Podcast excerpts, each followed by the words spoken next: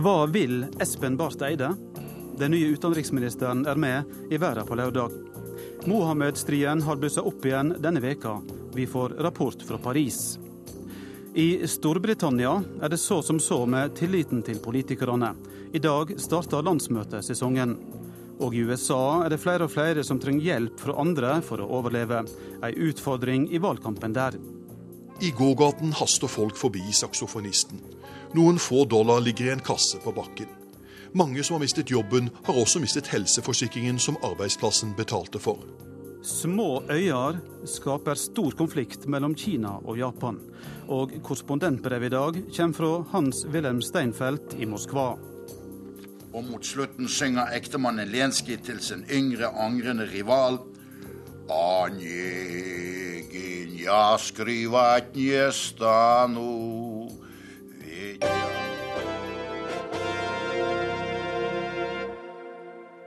Velkommen til Verden på lørdag. Her i studio er Eivind Molde. Vi skal snart snakke med den nye utenriksministeren, men først eh, litt tilbake til gårsdagen. I sju år har Jonas Gahr Støre styrt norsk utenrikspolitikk. Skorene til Støre blir store å fylle for Espen Barth Eide. I går tok han over kontoret til sin tidligere sjef, og ansvaret for et stadig mer ambisiøst norsk utenriksdepartement.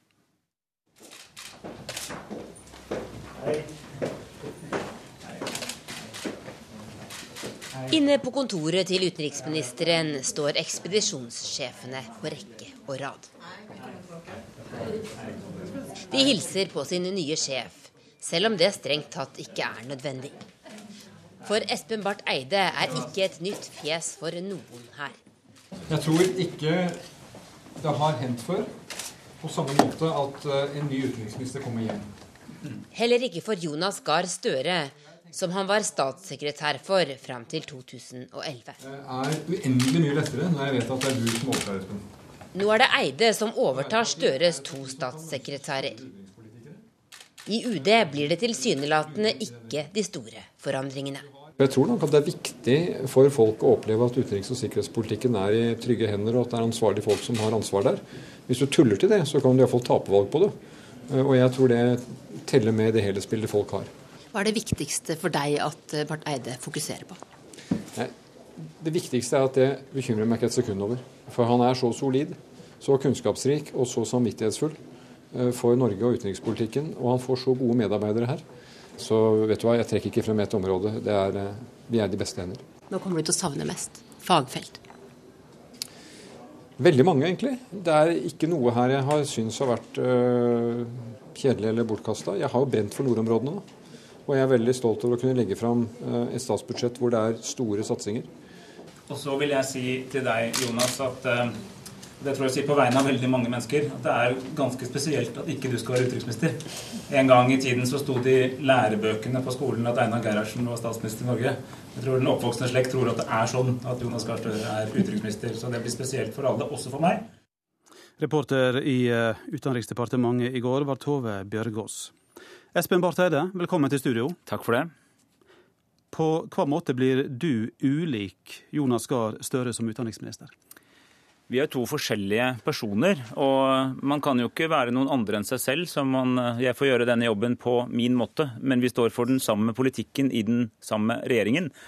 Og det er spesielt sant her, fordi at Jonas Gahr Støre og jeg har samarbeidet om utenriks- og sikkerhetspolitikken i hele denne regjeringens levetid, og også i Stoltenberg I-regjeringen for tolv år siden, da jeg var statssekretær for Torbjørn Jagland og han for Jens Stoltenberg. Så det blir jo ikke noen brudd eller komplette nysatsinger ved at jeg er utenriksminister etter Jonas, men vi er to forskjellige mennesker, og jeg vil sette mitt preg på den jobben jeg nå har fått tillit fra statsministeren til å gjøre. Ja, Er det et spesielt område innenfor utenrikspolitikken der du har lyst til å sette ditt personlige fotavtrykk? Nå er det slik at den, Det aller første oppdraget jeg drar ut på, er å reise til FNs generalforsamling grytidlig i morgen tidlig. og Der skal jeg da delta i generalforsamlingen og ha svært mange bilaterale møter og være med i en rekke viktige internasjonale prosesser der Norge er markert. Jeg har alltid brent for et sterkt og effektivt FN. Det er FN som både er legitimt og effektivt samtidig. og Derfor så passer det meg bra at det er det første jeg gjør. Så er det jo slik at nordområdene er denne regjeringens viktigste satsingsområde. Det er en setning som Støre og jeg i sin tid formulerte sammen, og det står jeg selvfølgelig 100% bak. Vi skal tilbake til det litt senere, men først det du nevnte nå med, med, FN. Du drar altså til New York i morgen, og du skal møte resten, blant annet møte resten av giverlandsgruppa eh, for de palestinske områdene, som Norge leier. Økonomien den er jo eh, kjempedårlig der, og situasjonen er fastlåst. Hvor mye mer skal Norge egentlig bruke på å bygge en palestinsk stat? Ja, vi har jo vært en stor giver. Eh, rundt 750 millioner kroner i året nå i en rekke år. Sammen med USA, EU, en rekke arabiske land og andre givere. Vi leder den gruppen, så det første jeg gjør når jeg kommer til New York nesten rett av flyet, er å er å innta lederstolen i giverlandsgruppen og oppfordre de andre til fortsatt å tro på dette prosjektet, fortsatt å legge penger i det. Fordi at det er to trender eh, når det gjelder det palestinske eh, selvstyreprosjektet. Det ene er at eh, palestinerne har fått til en statsbygging som blir stadig mer vellykket. Den staten, som altså ikke er en stat i Palestina, er betydelig mer avansert enn mange stater i nabolaget. Men økonomien er stadig dårligere. Og det er bare å si rett ut at det er en konsekvens av eh, den israelske okkupasjonen, som gjør det veldig vanskelig å ha et normalt næringsvirke i de palestinske områdene. Det er talentfulle mennesker med masse arbeidslyst, men de får altså ikke utnyttet energien pga. de politiske omgivelsene. Eh, Norge skal som kjent være vertskap for forhandlingene med FARC-geriljaen i, i, neste måned. Hvorfor er det så viktig for Norge å spille en rolle på denne måten i, i så mange konflikter? Det er jo slik at eh, med, eh, som en eh, relativt liten stat i befolkning langt vekk fra de største konfliktområdene, men med gode ressurser og mange dyktige diplomater, så har vi etablert oss som en av de landene mange aktører søker til når de vil ha en upartisk tilrettelegger for fredsprosesser. Og når det gjelder Colombia, så har vi i mange år hatt et et samarbeid med partene i Colombia og med Cuba. Eh, det var ikke offentlig kjent før for noen uker siden, men da ble partene enige med hverandre om å gå ut med det. Og nå er det altså offentlig kjent at dette vil skje i, eh, i Norge. Det har vært en veldig veldig lang og veldig brutal eh, borgerkrig med veldig mange dimensjoner, som har eh, gjort livet til mange colombianere og naboland eh, veldig vanskelig. Eh, hvis vi kan bidra til at de finner en løsning, så er jeg veldig glad for å kunne være tilrettelegger for den prosessen. Du var inne på nordområder som et stikkord. Det har jo vært Jonas Gahr Støres store fanesak. Hvordan vil du videreføre det? Jeg mener at vi har lyktes veldig bra både å sette nordområdene på den norske dagsorden, og sånn sett vist at eh, utenrikspolitikk er ikke bare noe som skjer i utlandet, men det har å gjøre med vårt samfunns forhold til eh, mennesker i andre land. Men også på den internasjonale dagsorden. Eh, vi har fått fram gjennom slagordet 'High North Low Tension', altså høye nord, lav spenning, at de mange mulighetene, men også de mange utfordringene vi ser i Arktis, de må vi løse sammen. De løser vi ikke vis-à-vis hverandre, men i samarbeid. Det går faktisk ganske bra. Eh, respekten for havretten betyr veldig mye. Dette er jo et hav. Det er et frossent hav, men det er et hav, og nå er det stadig mindre frossen. Man kan seile, fiske, utnytte olje og gass.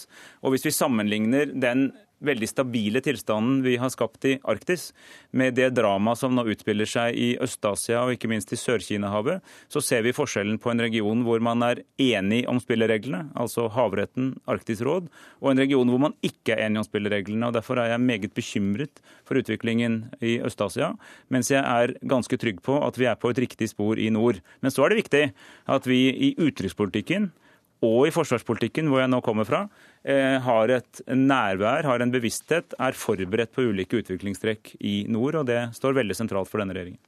Takk for at du kom i studio, Espen Barth Eide.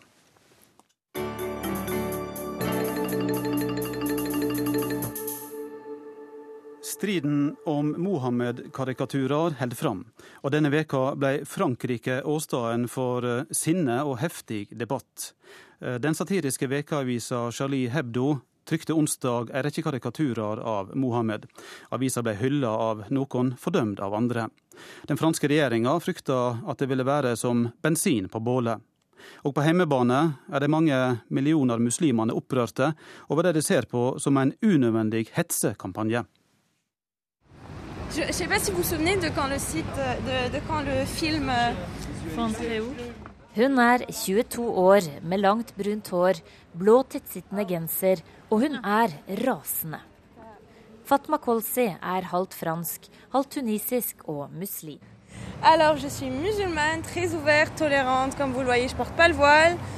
Se på meg, jeg er ung, liberal, tolerant, jeg bærer ikke slør.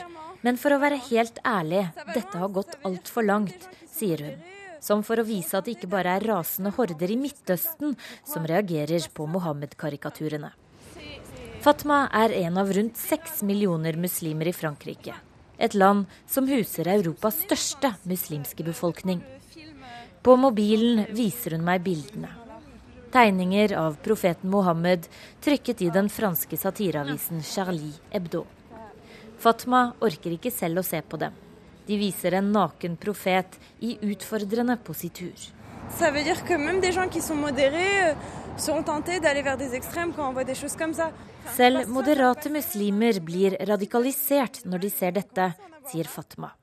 Hun mener muslimer i Frankrike er blitt målskive for hets og mobbing. Hva sier du til tidligere statsminister Francois Fillon, som sier ytringsfriheten er absolutt, spør jeg. At han er dårlig oppdratt. Det er grenser for hva man kan si, svarer Fatma kontant. Siden onsdag denne uken har debatten rast i Frankrike mellom ytringsfrihetens fanebærere og dem som maner til respekt for religion. Satireavisen Charlie Hebdo har vært gjennom stormkast før. I 2007 ble de saksøkt av muslimske organisasjoner for å trykke karikaturer av Mohammed. Og i fjor ble en bensinbombe kastet inn i redaksjonslokalene. Fortsatt har enkelte av journalistene livvakter. Sjefredaktør Stéphane Charbonnier sier bladet nekter å la seg diktere av ekstremister. Si on commence à, à se dire qu'on ne peut pas faire Euh, Hvis vi ikke kan trykke disse tegningene fordi noen blir sjokkert, ja da kan vi stoppe å lage denne avisa.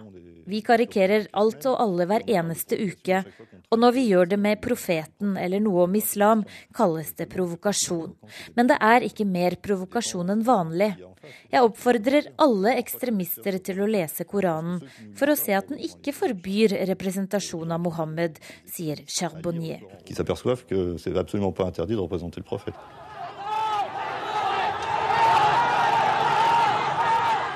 Den siste uka har det kokt i gatene i en rekke muslimske land. Vreden over amatørfilmen som latterliggjør islam, har medført at over 30 mennesker er døde. Frykten er at de franske karikaturene er bensin på bålet. Torsdag barket politi og studenter sammen i Islamabad i Pakistan.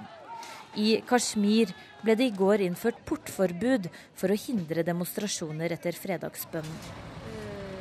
På gata i Paris blir satireavisen både hyllet og fordømt som farlig uansvarlig og prinsippfast modig. Eh ben, beaucoup. Pourquoi? Pourquoi? Ben parce que je crois qu'il faut pas se laisser faire par les extrémistes. Det er en god ting. Vi kan ikke la oss kue av ekstremister, sier Patrice.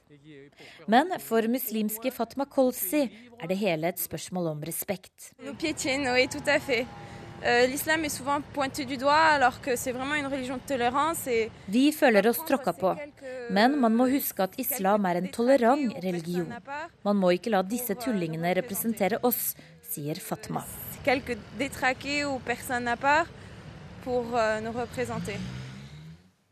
Europakorrespondent Hege Mo Eriksen har fulgt Mohammed-striden fra Paris denne veka. Og hvor sterke er egentlig motsetningene mellom de muslimske miljøene og det franske samfunnet ellers? Ja, I denne saken så tror jeg helt klart at uh, motsetningene er sterke. Og jeg tror det er sånn som jenta i reportasjen påpeker, at uh, muslimene i Frankrike er lei av å være skyteskive for det som de mener er hetsekampanjer eller uh, enkle populistiske utspill fra politikere. Vi så jo f.eks. under valget i år at produksjon og salg av halalkjøtt ble en stor sak i Frankrike midt oppe i krisetid og arbeidsledighet. Og da var det mange som påpekte at muslimene har blitt blitt en målskive for politisk populisme. Og det er jo heller ikke første gang at Mohammed-karikaturer er et hett tema i Frankrike. Denne avisen Charlie Hebdo trykket jo tegninger både i 2006, da Jyllandsposten trykket sine, og i 2007. Og denne avisen ble også totalødelagt i fjor, da det ble kastet en bensinbombe inn i eh, redaksjonslokalene. Så dette har vært et eh, hett tema gjennom mange år. Men det er klart at Frankrike huser eh, Europas største muslimske befolkning på drøye 6 millioner muslimer. De utgjør rundt 10% av den franske befolkning. Og for det meste er jo dette moderate folk som er godt integrert, og som har grodd dype røtter i den franske republikk. Og mange av de jeg snakker med, sier at de vil ikke bli assosiert med eh, ekstremister som, som tyr til vold i kampen mot disse karikaturene. Franske styresmakter uh, har satt i verk en rekke tiltak etter alt bråket denne veka. Hvor omfattende er disse tiltakene? Ja, Franske myndigheter satt ikke akkurat på gjerdet. De varslet med en gang svært drastiske tiltak. vil jeg si. Eh, siden i går så har ambassader, franske skoler og kultursentra i over 20 land holdt stengt. I tillegg så har vi sett et eh, oppsiktsvekkende og ganske eksepsjonelt tiltak på fransk jord. Fordi eh, innenriksminister Manuel Valls har rett og slett forbudt demonstrasjoner som var varslet i dag. Det er altså ikke lov til å demonstrere mot karikatur diktaturene. Eh, sist lørdag så var det jo 150 mennesker som ble arrestert under en eh, demonstrasjon mot denne amerikanskproduserte amatørfilmen som eh, håner islam. Og i dag var det også varslet lignende demonstrasjoner. Men nå er altså politiet i høyeste beredskap, og hvert eneste byråd i landet er instruert om å si nei til eventuelle søknader om å demonstrere. Har du inntrykk av at styresmaktene er nervøse for det som kan skje videre? Ja, absolutt. Styresmaktene er helt klart svært nervøse både for det som kan skje på fransk jord, og ikke minst eh, i forhold til det som kan skje mot eh, franske ambassader og institusjoner i utlandet. Franske myndigheter vet jo at det er sprengstoff i dette. Vi har jo sett voldsomme protester i mange muslimske land den siste tiden. Og dette er nok også noe av grunnen, denne frykten, til at eh, mange franske ministre har eh, stemplet eh, trykkingen av disse karikaturene som ren ideologi idioti, siden situasjonen er så spent. Og nettopp det at de eh, har stemplet trykningen som idioti, får de også nå kraftig kritikk for. Blant annet eh, så sier sjefredaktør i Charlie Hebdo at, eh, at de kunne levert et sterkere forsvar for ytringsfriheten. Slik at debatten den raser videre i Frankrike osv. Ja, når det så gjelder demonstrasjoner, så er det så langt i dag ikke meldt om, eh, om, om, det. Det ser ut til å være ganske rolig så langt, i alle fall. Men eh, franske ambassader de er eh, altså stengte gjennom hele helga fram til mandag.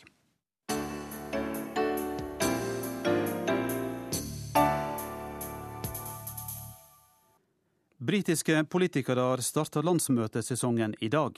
Statsminister David Cameron sitt konservative parti regjerer videre med stadig færre velgere i ryggen, den liberaldemokratiske koalisjonspartneren er halvert siden førre valg, og den britiske økonomien den er igjen på vei nedover. Men den kanskje aller største utfordringa for de politiske partiene blir å gjenopprette tilliten fra velgerne. Uh,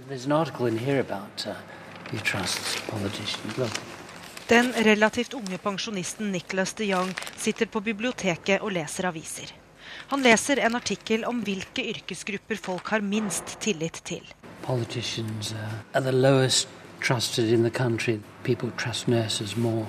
Bare 7% av britene stoler på sine politikere, viser målingen i The Times.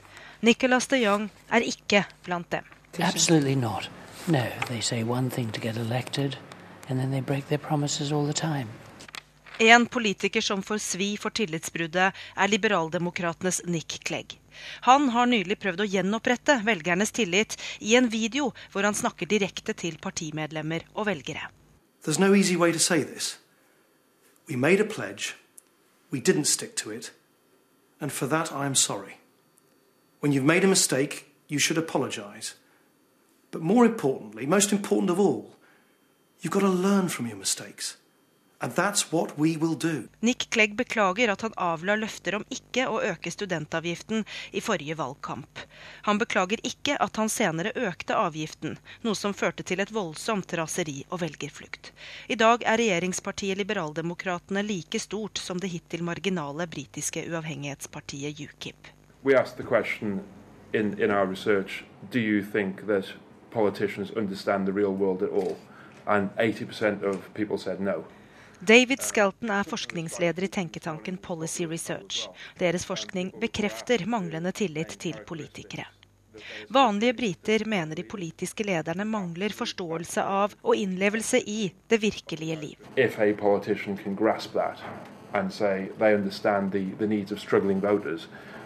They will be able to set the narrative for the next few years. For mange av brukerne av det offentlige biblioteket og andre innebærer det virkelige liv en kraftig innstramming av livreima. Sommerens olympiske fest er over. Lønnsfrys, økte utgifter, budsjettkutt og arbeidsledighet er realiteten i en nedadgående økonomi. Selv med svake tegn til bedring og håp om at bunnen er nådd, må særlig statsminister David Camerons konservative parti endre image om det skal holde på velgerne, mener David Skelton, som selv er konservativ politiker. The Conservatives are seen as the party of the rich and powerful, not the party of ordinary people. Um, and that is something the Tories have to deal with if they're going to be serious about winning a majority at the next election.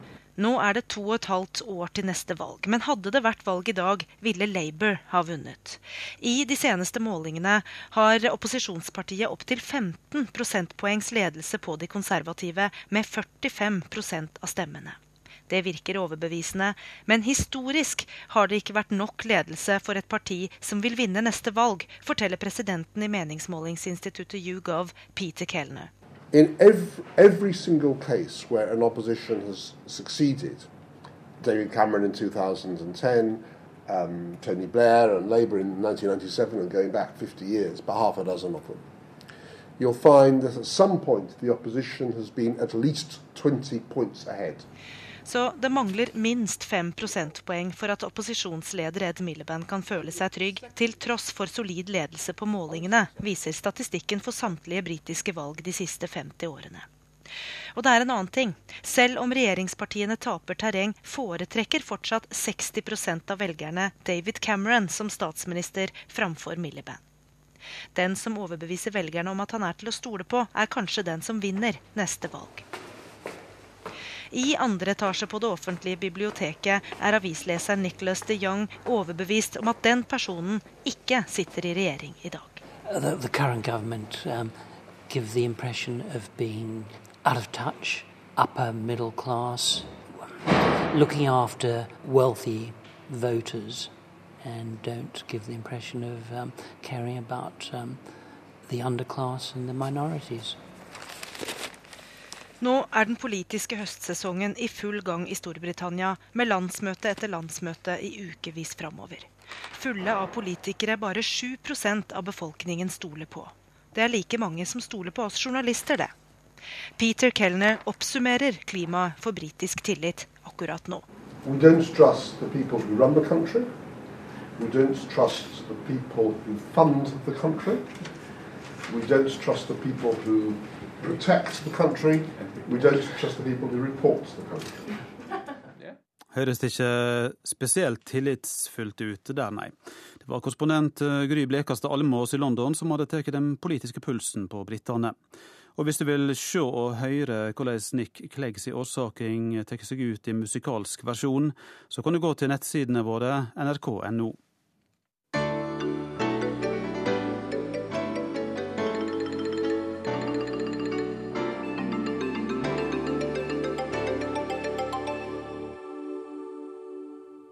Kina og Japan er neste stikkord. I Kina har det denne veka vært kraftige demonstrasjoner mot Japan. Kineserne krever suvereniteten over ei øygruppe i Øst-Kina-havet som japanerne kontrollerer. Etter at den japanske regjeringa i forrige uke annonserte at de vil kjøpe øyene fra en privat japansk eier, eksploderte Kina i et nasjonalistisk raseri. Men demonstrasjonene var både godkjente og nøye kontrollerte av kommuniststyresmaktene i landet.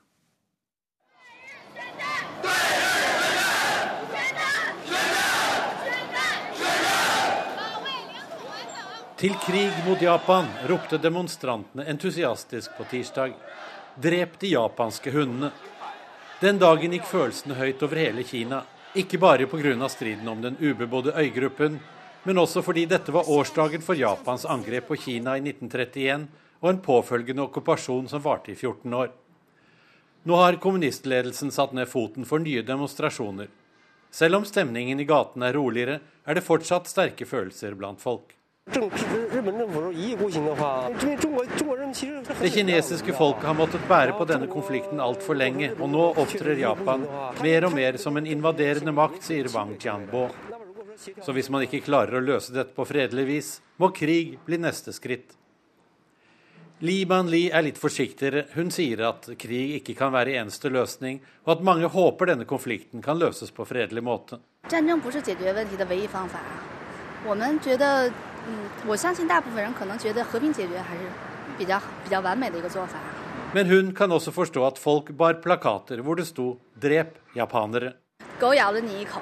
还是比较比较完美的一个做法。Men hun kan også forstå at folk bar plakater hvor det sto 'drep japanere'. For, sier hun, hvis du blir bitt av en hund, ønsker du ikke da å bite hunden tilbake. Sa korrespondent Anders Magnus i Beijing. Kinakjenner Torbjørn Færøvik hva er det egentlig med disse øyene som eh, hisser opp folk på denne måten? Ja, jeg tror vi kan si det slik at isolert sett eh, så betyr disse øyene ingenting. Det er jo bare noen bitte små øyer, og de ligger der ubebodde som noen klipper ute i havet. Eh, den største av øyene er fire kvadratkilometer stor. For noen år siden så forsøkte japanerne å sette ut fire geiter der ute, og de døde også underveis. Men det som er situasjonen, det er jo Altså, øyene er symbolet for noe større. Eh, da er eh, oljen og gassen i havet. Eh, det kan være veldig store oljeressurser og gassressurser der ute. Og så er det fiske, som er veldig rikt, det vet vi. Og i tillegg så vet vi at den kanskje travleste skipsleden i hele verden, den går forbi disse øyene. Men hva er det som har utløst denne konflikten, at den har kommet til overflata akkurat nå? Ja, Den eh, direkte foranledningen til det hele, det er den japanske regjeringens beslutning eh, om å kjøpe øyene fra eh, en privat japansk familie, eh, som da har eid i hvert fall flere av øyene i årtier. Eh, og da dette vedtaket, dette kjøpet, ble kjent i Kina, så gikk kineserne berserke. Og eh, den kinesiske regjeringen ble rasende og kom med det ene kravet og etter det andre. Fordømte Japan. Eh, og så har det hele bygget seg opp og eskalert hele tiden. Det er jo veldig sterke uttrykksformer vi har sett denne, den siste tida når det gjelder reaksjoner overfor Japan og japanere. Ja. På mange måter så er det jo etterdønningene fra den andre verdenskrigen som vi ser. Eh, Kina og Japan har utkjempet mange kriger i eh, århundrenes eh, løp. Den siste store krigen fant sted fra 1937 til 1945. Da den var over, så lå 20 millioner kinesere igjen på slagmarken. Eh, så det er klart at eh, mange kinesere de husker denne krigen. Eh, og Forman Mao var jo en av dem som gikk i spissen for krigen mot japanerne.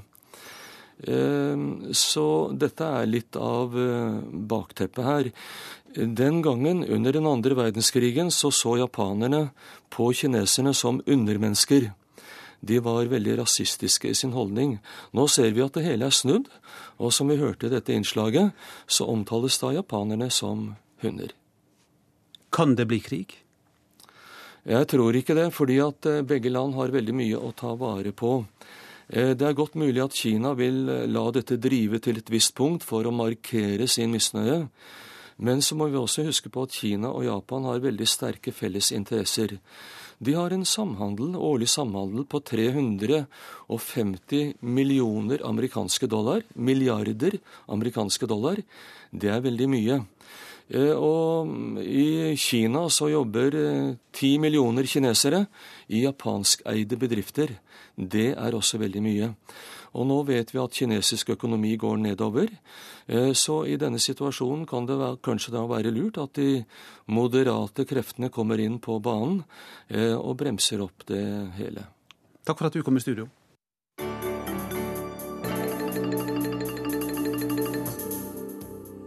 Klokka har passert 11.33. Du hører på Verden på lørdag, og i den neste knappe halvtimen skal vi høre om folkemordsaka fra Rwanda som starter i Oslo over helga. Færre kriger i verden, det er utgangspunktet for Gro Holm sin kommentar. Og korrespondentbrevet, det kommer fra Moskva.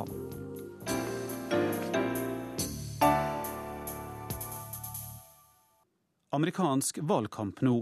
Valgkampen er som kjent i full gang, og både Barack Obama og Mitt Romney kjemper om stemmene til den amerikanske middelklassen. Men disse velgerne sliter nå mer enn tidligere økonomisk. I vippestaten Colorado er det flere og flere som trenger hjelp fra andre for å overleve.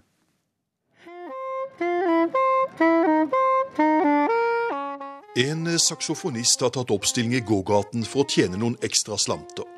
Vi er i Boulder, en forstad en knapp times kjøring vestover fra storbyen Denver i delstaten Colorado. Boulder har som så mange andre forsteder i denne delstaten opplevd en dramatisk økning de siste årene av folk som trenger hjelp til å brødfø familiene. Gratis mat deles nå ut til folk som før klarte seg selv. Til innbyggere som hadde fast jobb og trygg inntekt, men som nå står i arbeidsløshetskø. Bare i denne forstaden har antall innbyggere som trenger å få utdelt gratis mat, økt med over 150% på fire år. Antall innbyggere som sliter med å betale helseregninger og som trenger offentlig Medic-aid, har i samme periode økt med over 60% Colorado er en vippestat som kan være med å avgjøre hele valget. Det er velgere i forsteder som Boulder både Obama og Romney kjemper om. Obama vant her sist gang, nå er det mer åpent. Situasjonen her i denne vippestaten er dyster. Fra å ha fast jobb og trygg inntekt har den amerikanske middelklassen havnet i en skvis.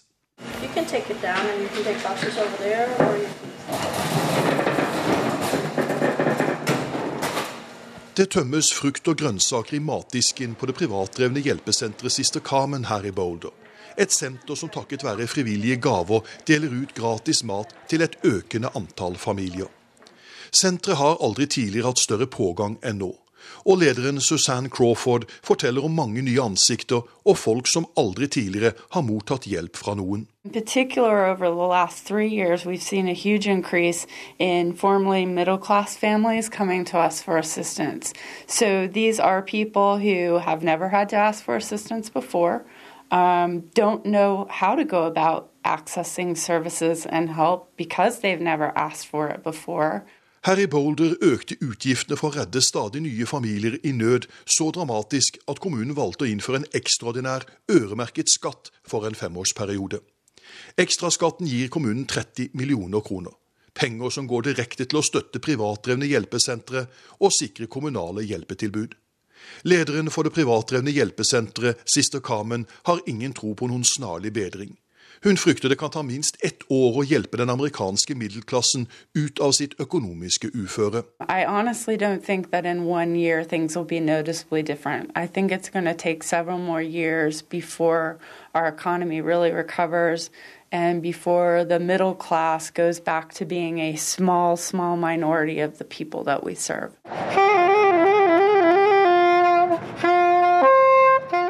I gågaten haster folk forbi saksofonisten. Noen få dollar ligger i en kasse på bakken. Mange som har mistet jobben, har også mistet helseforsikringen som arbeidsplassen betalte for. Det gjør det enda vanskeligere for folk å klare seg selv om sykdom skulle ramme på toppen av arbeidsløsheten. Begge presidentkandidatene har vært innom Colorado flere ganger de siste månedene. Onsdag 3. oktober kommer både Obama og Romney tilbake til Colorado samtidig for å delta i den aller første presidentdebatten og det i en vippestat som opplever at stadig flere er avhengig av andre for å overleve.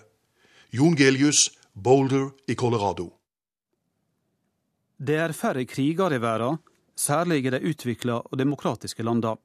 Men terror og framveksten av kapitalistiske autoritære stormakter som Kina og Russland utgjør en fare for verdensfreden. Det mener den israelske forskeren Azar Gatt, som gjester Oslo denne veka. Vår kommentator Gro Holm har sett nærere på hans fredsbåtskap.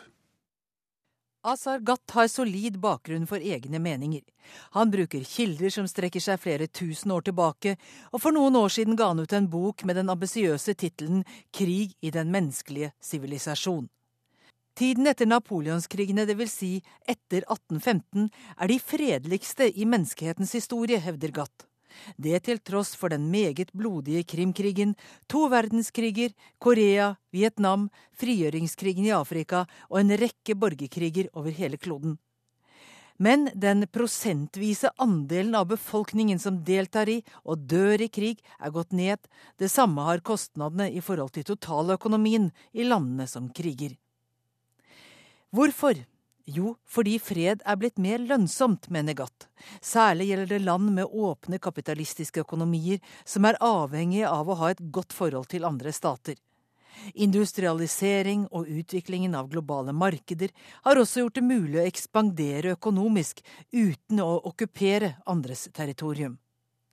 Gatt mener den viktigste årsaken til andre verdenskrig var Tysklands behov for økonomisk ekspansjon, og at dette var kjernen i Hitlers ønske om mer Lebensraum i øst. Han mener også at liberale demokratier er mer sårbare for folkemeningen når det gjelder å ofre egne og andre nasjoners liv i krig. Endelig, hadde ikke USA grepet inn for å stanse Hitler og Japan i 1945, kunne nazistene godt ha vunnet, og europeisk historie ville sett helt annerledes ut. Det er han ikke alene om å mene. Autoritære stater er mer tilbøyelige til å krige utenfor eget territorium, hevder Gatt, og her er han litt mer kontroversiell. Når Kina og Russland i stadig økende grad deltar i den kapitalistiske verdensøkonomien uten at det får følge av indre demokratisering, utgjør det en mulig trussel mot verdensfreden. Hvis de i tillegg utsettes for proteksjonistiske tiltak fra land som forsøker å hindre fri tilgang til råvarer og markeder, kan det bli riktig farlig. Gatt advarer derfor mot alle former for proteksjonisme. Så langt hans argumentasjon. Han har sikkert rett når det gjelder observerte sammenhenger mellom krig, kostnader og utviklingsnivå. Men noen av hans påstander virker nesten mer ideologiske enn faktiske. Som at dagens autoritære regimer utgjør en større potensiell trussel for freden enn de demokratiske. Det er ingenting som tyder på at verken Kina eller Russland forbereder seg på å føre angrepskriger eller kriger utenfor egne territorier. Derimot har Nato-landene i snart to tiår drevet krigføring utenfor eget område, riktignok av temmelig begrenset omfang. Sovjetunionen var definitivt en autoritær stat, men krigen i Afghanistan var mindre blodig enn USAs krig i Vietnam. I diskusjon om sammenheng mellom regimetyper og krig kan ingen gjøre krav på å være moralsk overlegen. Gatt mener at russisk støtte til Assad-regimet i Syria kan være et mulig forvarsel om verre ting men USA har lenge støttet et av verdens mest undertrykkende regimer i Saudi-Arabia. Dette sier noe om stormaktenes realpolitiske interesser, mindre om utsiktene til krig. Gatt lister også opp faren for at terrorister kan ta i bruk kjemiske, biologiske og kjernefysiske våpen som en trussel mot freden. Det er jeg helt enig i. Men det er også viktig hvordan stater svarer på eventuelle terrorangrep. Paradoksalt nok kan det være vanskeligere å la være å gå til motangrep for demokratiske land, der regjeringene er avhengige av folkemeningen. Trolig hadde ikke USAs president noe alternativ til krig i dagene etter 11. september 2001. En diktator kunne i teorien latt være. Dagens demokratiske ledere er bedre kjent med terrorens ansikt, men om angrepet er stort nok, kunne det likevel blitt vanskelig å bære kostnadene ved å svare med fredelige midler. Det er ingen enkel, lineær sammenheng mellom indre demokrati og ytre fred.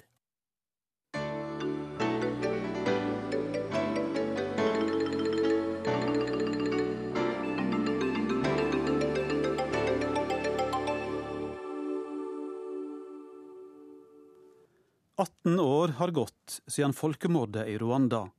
Tirsdag starter ei historisk rettssak i Oslo tingrett. Da skal en mann som er bosatt i Bergen stilles til ansvar, tiltalt for over 2000 drap i heimlandet. Korrespondent Lars Sigurd Sunnanå er i Kibongo, Rwanda.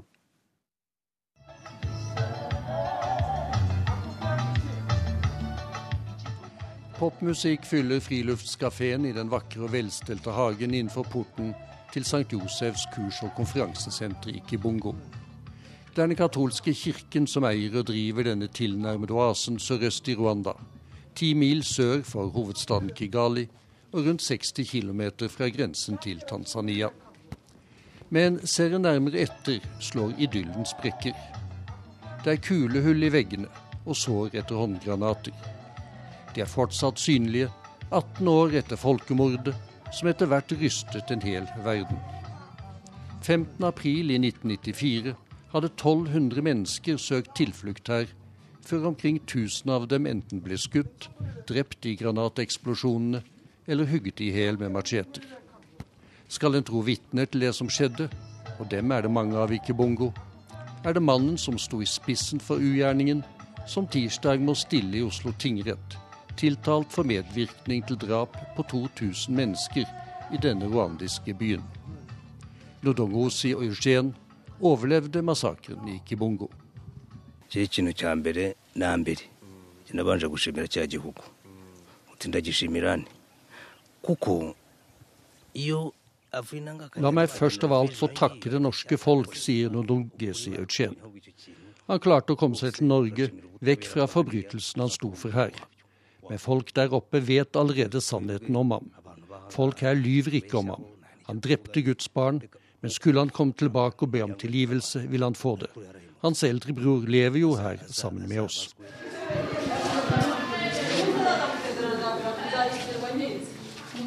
Vanlig arbeidsdag i kommunehuset i Kibungo. Det er nytt. Det gamle ble tatt i bruk som politistasjon etter at også det hadde skrevet seg inn i historien som et blodig avsnitt i det nesten ufattelige folkemordet som rammet Rwanda.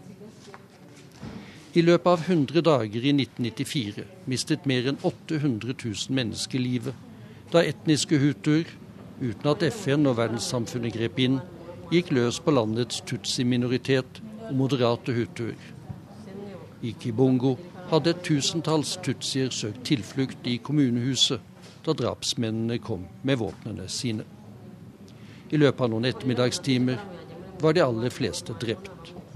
Som ellers i det godt planlagte folkemordet i hele Rwanda var de enten blitt skutt, hugget ned med macheter, knivstukket eller klubbet i hjel.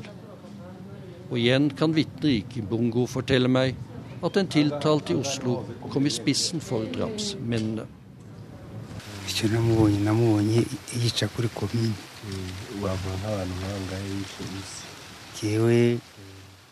jeg så ham drepe folk i kommunehuset, sier Antoine Rocheny, som mistet kona og de fem barna sine i det som skjedde. Nå er jeg veldig glad for at han endelig er arrestert. Han og de andre tok fra meg familien min. Nå er jeg veldig glad for rettssaken i Oslo. Aktor tar frem en av mange mapper i folkemordsaken dette er en omfattende etterforskning som ligger til grunn for denne tiltalen. Eh, det har vært avhørt eh, i overkant av 140 vitner, og det er gjort eh, mye undersøkelser i andre land. Én person sitter på tiltalebenken, og det er en rettssak ulik alle andre rettssaker i norgeshistorien, som starter på tirsdag. Det er en tiltale som i, i grove trekk går på drap i forbindelse med folkemordet på i overkant av 2000 eh, mennesker. Og når jeg sier drap, så, så mener jeg medvirkning til drap. Sier aktor Petter Mant. Tiltalen forteller om groteske massakre. Her er ett av dem. Torsdag 14. april 1994 dro et stort antall bevæpnede personer fra militsgruppen Intera Hamve, politiet, militære og sivile personer, til kommunehuset i Birenga, hvor omkring 1000 mennesker hadde søkt tilflukt. De omringet området, angrep og drepte internt fordrevne personer, bl.a. ved bruk av skytevåpen, håndgranater, macheter, klubber og stokker. Drapene startet på ettermiddagen og pågikk over flere timer. Anslagsvis 1000 personer ble drept. Mannen fra Rwanda skal ifølge tiltalen ha medvirket til rundt 2000 drap, enten ved å organisere væpnede menn eller ved å kjøre dem til åstedet. 47-åringen flyktet fra Rwanda og kom til Bergen for tolv år siden. Bare to år etter fikk norske myndigheter en henvendelse fra Rwanda om en rekke personer bosatt her som kunne stå bak folkemord. I 2007 begynte Kripos etterforskningen av 19 personer. Nå står de igjen med to. En av dem er 47-åringen. I Oslo tingrett forbereder de seg på en ny og grusom sak i rettssal 250. Dette er jo den rettssalen hvor 22.07-saken eh, gikk. Sier sorenskriver Geir Ingebrigtsen. Det som særkjenner denne saken, er jo at uh, veldig mange av vitnene befinner seg i Rwanda, mens rettssaken går her i Oslo. Så vi er her avhengig av uh, videooverføring av vitneforklaringer for et stort antall vitner fra Afrika. Rundt 100 vitner, noen av dem overlevde massakrene, skal forklare seg gjennom tolk. 20 av dem kommer til Norge. Resten vises på en storskjerm over vitneboksen. Det er jo alltid spennende, for dette har jo vel eh, knapt vært gjort. I hvert fall ikke det omfanget vi her snakker om. Videooverføring av vitneførsel fra andre steder er jo ikke ukjent, men det, i dette omfanget og fra eh, Rwanda eller fra Afrika til Norge er vel eh, ikke prøvet ut på noen måte i, i et slikt omfang i en så alvorlig sak som vi her har. Tre og et halvt år tok det å etterforske saken før tiltalte ble pågrepet i fjor. Aktor Petter Mant sier det har vært en krevende sak. Vår målsetning har vært å etterforske denne saken på samme måte som om det hadde skjedd i Norge. Og Det har betydd at vi har måttet reise dit og gjøre etterforskningsskritt i Rwanda. Men han mener det er viktig å prøve saken for en norsk domstol. Hvis man har begått en uh, krigsforbrytelse, en forbrytelse mot menneskeheten eller deltatt i et folkemord, så er det viktig at man skal straffes for det, uavhengig av hvor man er. Reporter her var Åse Marit Befring.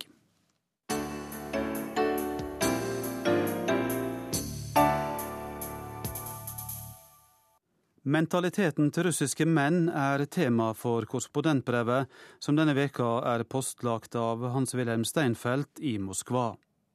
Her til lands må menn forandre mentaliteten sin. Det sier den kvinnelige senatslederen i Russland.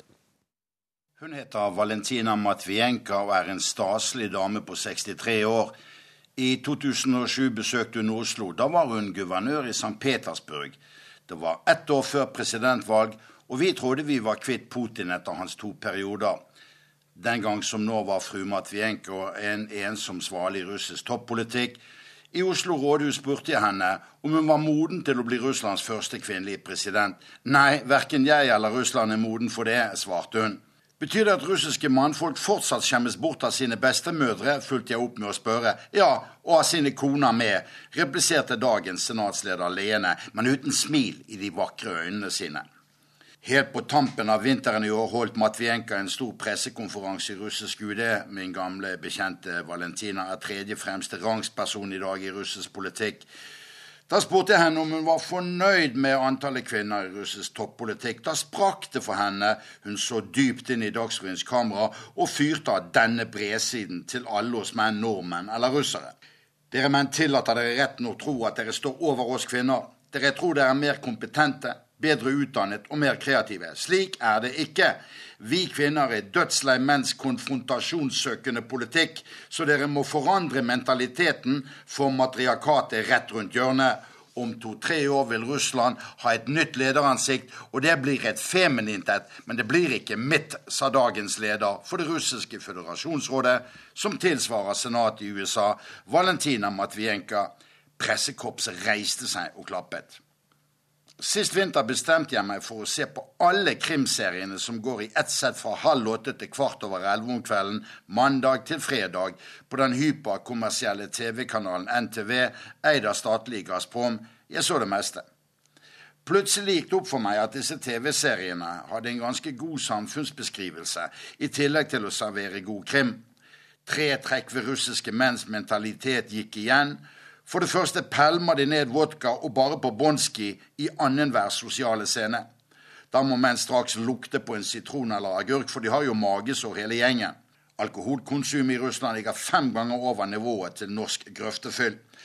For det andre er de russiske menn klisset selvmedlidende når de først dummer seg ut, og det gjør de ofte. Men for det tredje avslutter de systematisk en dialog der deres bedre halvdel tillater seg å være uenig med dem med ordene 'Belærer du meg, eller?' og dermed punktumsatt for det ordskiftet. Min nære venn, filosofiprofessor Jakov Svirskij ved Moskvas statsuniversitet Lomonosov, prøvde mer subtilt å forklare meg skavankene, men jeg lot Jasja, som jeg kaller ham, smake russiske menns pisk. Vet du, Dersom du sier slikt og på den måten til moderne kvinner i Norge, så får du friplass på galehus. Denne uken har Russlands største TV-kanal 1 og Stanken har vist spillefilmen 'Min eneste feil' som TV-serie etter nyhetene klokken 21. Filmen handler om en eier av noen gamle, utrangerte fiskebåter øst i Vladivostok og hans to voksne sønner. Skuespilleren som far i huset på 60 år er tildelt rollen som husdyran. Med ilske, onde øyne, sier Pata de Familias truende til sine moderne sønner i opposisjon. Respekterer du meg, eller? Det er forordet til en på trynet på russisk maner. Husdyran skaffer seg naturligvis en halvparten så gammel, sårbar kvinne som kone, uten at hun har noe særlig valg, og så børster det løs. Hustyrannen, eller samador, er et gammelt begrep i russisk litteratur. Studenten av faget kjenner godt Aleksandr Astrovskijs skuespill 'Tordenværet' fra 1859, der samador, eller hustyrannen, var leitmotiv. Den problematiske russiske mann er en rød tråd gjennom hele den verdensberømte klassiske russiske litteratur fra 1800-tallet. Stikkordene er den sterke kvinne og den overflødige mann, lisjnij tsjelavek, som ikke kan gjengjelde følelser. Det begynte allerede hos Aleksandr Pusjkin i Russlands nasjonalpoem Jevgenij Anjegin, pavenyen som den 18-årige Tatjana forelsker seg ulykkelig for hele livet. Men den langt eldre Anjegin ignorerer purunge Tatjana. Hun gifter seg senere med den enda eldre Lenskij, og de udødeliggjøres alle sammen i Peter Tsjajkovskijs opera Jevgenij Anjegin, og mot slutten synger ektemannen Lenskij til sin yngre, angrende rival Онегин, я скрывать не стану, ведь я люблю свою Tatjano. Eller Onegin, jeg vil ikke skjule at jeg elsker min Tatjana. Men hun elsket ikke ham. Lev Talstojs heltinne Anna Karenina elsket sin mann så lite at hun heller kastet seg foran tog i desperasjon enn å leve med han og den analoge antihelten hos Ivan Gansjarov het Ablomov, så beryktet for sin følelsesmessige avstumpethet at den litterære Ablomov ga navn til et verb, hva vil det si å ablomove? Maksim Gorki viet en hel romantittel til morsfiguren, men ikke én til farsfiguren. Ivan Turgenev tok i tittelsform opp noe av det som dekker denne ukens nevnte TV-serie også, 'Fedre og sønner', en verdensberømt bok. Russland skal moderniseres, men menn med helt utdaterte holdninger til det annet kjønn og egen betydning sitter med bukten og begge endene og drikker seg dritings i ett sett. Alle vet at Ivan drikker, men ingen vet hvorfor, kunne en Ludvig Holberg fortalt dem til trøst. Og jo da, de har drukket seg ned i gjennomsnittsalder fra noen og 70 år i 1992 til under 60 år i dag, og de har vært helt nede i 54 års gjennomsnittsalder midt i forrige tiår disse hrabrige ruske muzjiki, disse barske russiske mannfolk. Og de drikker av selvmedlidenhet og er selv ofre for sitt eget ordtak. En klok mann lærer av andres feil, bare en tosk lærer av sine egne. Så kjører de bil i fylla på en måte som får deg til å tro at de har stjålet både bilen og bensinen. Men den russiske mannen er offer for sitt eget selvbilde. Sovjetdiktaturet var mannsskapt. Jelsens 90-tall var mannskapt, og kirkens overhode her sammenligner det tiåret med andre verdenskrig fordi folketallet skrumpet inn med ti millioner menn, og forklaringen var ikke utvandringen. Men belæres av sine kvinner, betakker de russiske menn seg for. Allerede for 30 år siden reiste sosiologen Tatjana Saslavskaja denne opprørets fane mot menn og ble erklært som dissident av Brezjnev og co et prostatarammet og mannsdominert politbyrå med en gjennomsnittsalder på 75 år. Da debatten om den brennende sengen kom i Forfatterforeningens avis Literaturna Gazeta tidlig på 80-tallet, dreide det seg om kvinner som behandles så forferdelig av sine menn at det rettferdiggjør drap. Da skrev en kvinnelig pedagogikkprofessor fra Novosibirsk da den russiske kvinnen i sin tid vurderte å underkaste seg sin mann, så var det ikke sin svakhet, men sin styrke hun vurderte. At kvinnenes evne til å tie og tåle reddet Russland, er uomstridt her til lands og ikke bare 8. mars. Men kvinnene føder bare ett barn, for førstegangsopplevelsen blir for sterk, og de skiller seg en masse. Dette går ikke upaktet hen i den bitre humors marked heller. Serien med vitser om rampegutten Vova, som er klengenavn for alle som heter Vladimir, er viden kjent her i Russland. Siden jeg for 44 år siden var i særklasse for gutter med sosiale tilpasningsvansker på Landås skole i Bergen, henter jeg frem mine gamle kunster ved å fortelle dere den råeste Vova-vitsen fra Brezjnev-tiden tidlig på 80-tallet. Frøken ber småskoleklassen skrive en fortelling hjemme til neste dag om hva de alle gjør hjemme for å ære kamerat Brezjnevs parole om at økonomien må være økonomisk. Neste dag forteller vesle Lisa med hvit sløyfe i håret at mamma legger brødskalken i vann, så får de leskedrikken kvas gratis, og frøken nikker megetsigende og smilende. Jødepjokken Moishe forteller at pappaen hans solgte den gamle Ladaen forrige uke, men fikk kjøpt seg en splitter ny Lada på vennskap og kjennskap billigere, og frøken gren på nesen over den tolkningen av Brezjnev. På siste benk sitter så rampegutten Vova og roper vi slengte mutter'n på gata i forrige uke. Forferdet, utbryter frøken, hva det har å gjøre med at økonomien skal være økonomisk. Vår Valero sier hun dro jo på årene da, fatter'n lå ikke med henne lenger, selv tar jeg jo ikke pupp heller, så hva pokker skulle vi med en ekstra munn å mette? Hans-Wilhelm Steinfeld fra Gateguttenes humormarked, Moskva. Og dermed er denne utenrikstimen i P2 straks slutt. Teknisk ansvarlig for sendinga var Lisbeth Sellereite, skript Silje Lykke Spjelkavik og i studio Eivind Molde. Klokka 16.40 i dag sender vi en kortversjon av Verda på lørdag i P2. Takk for nå.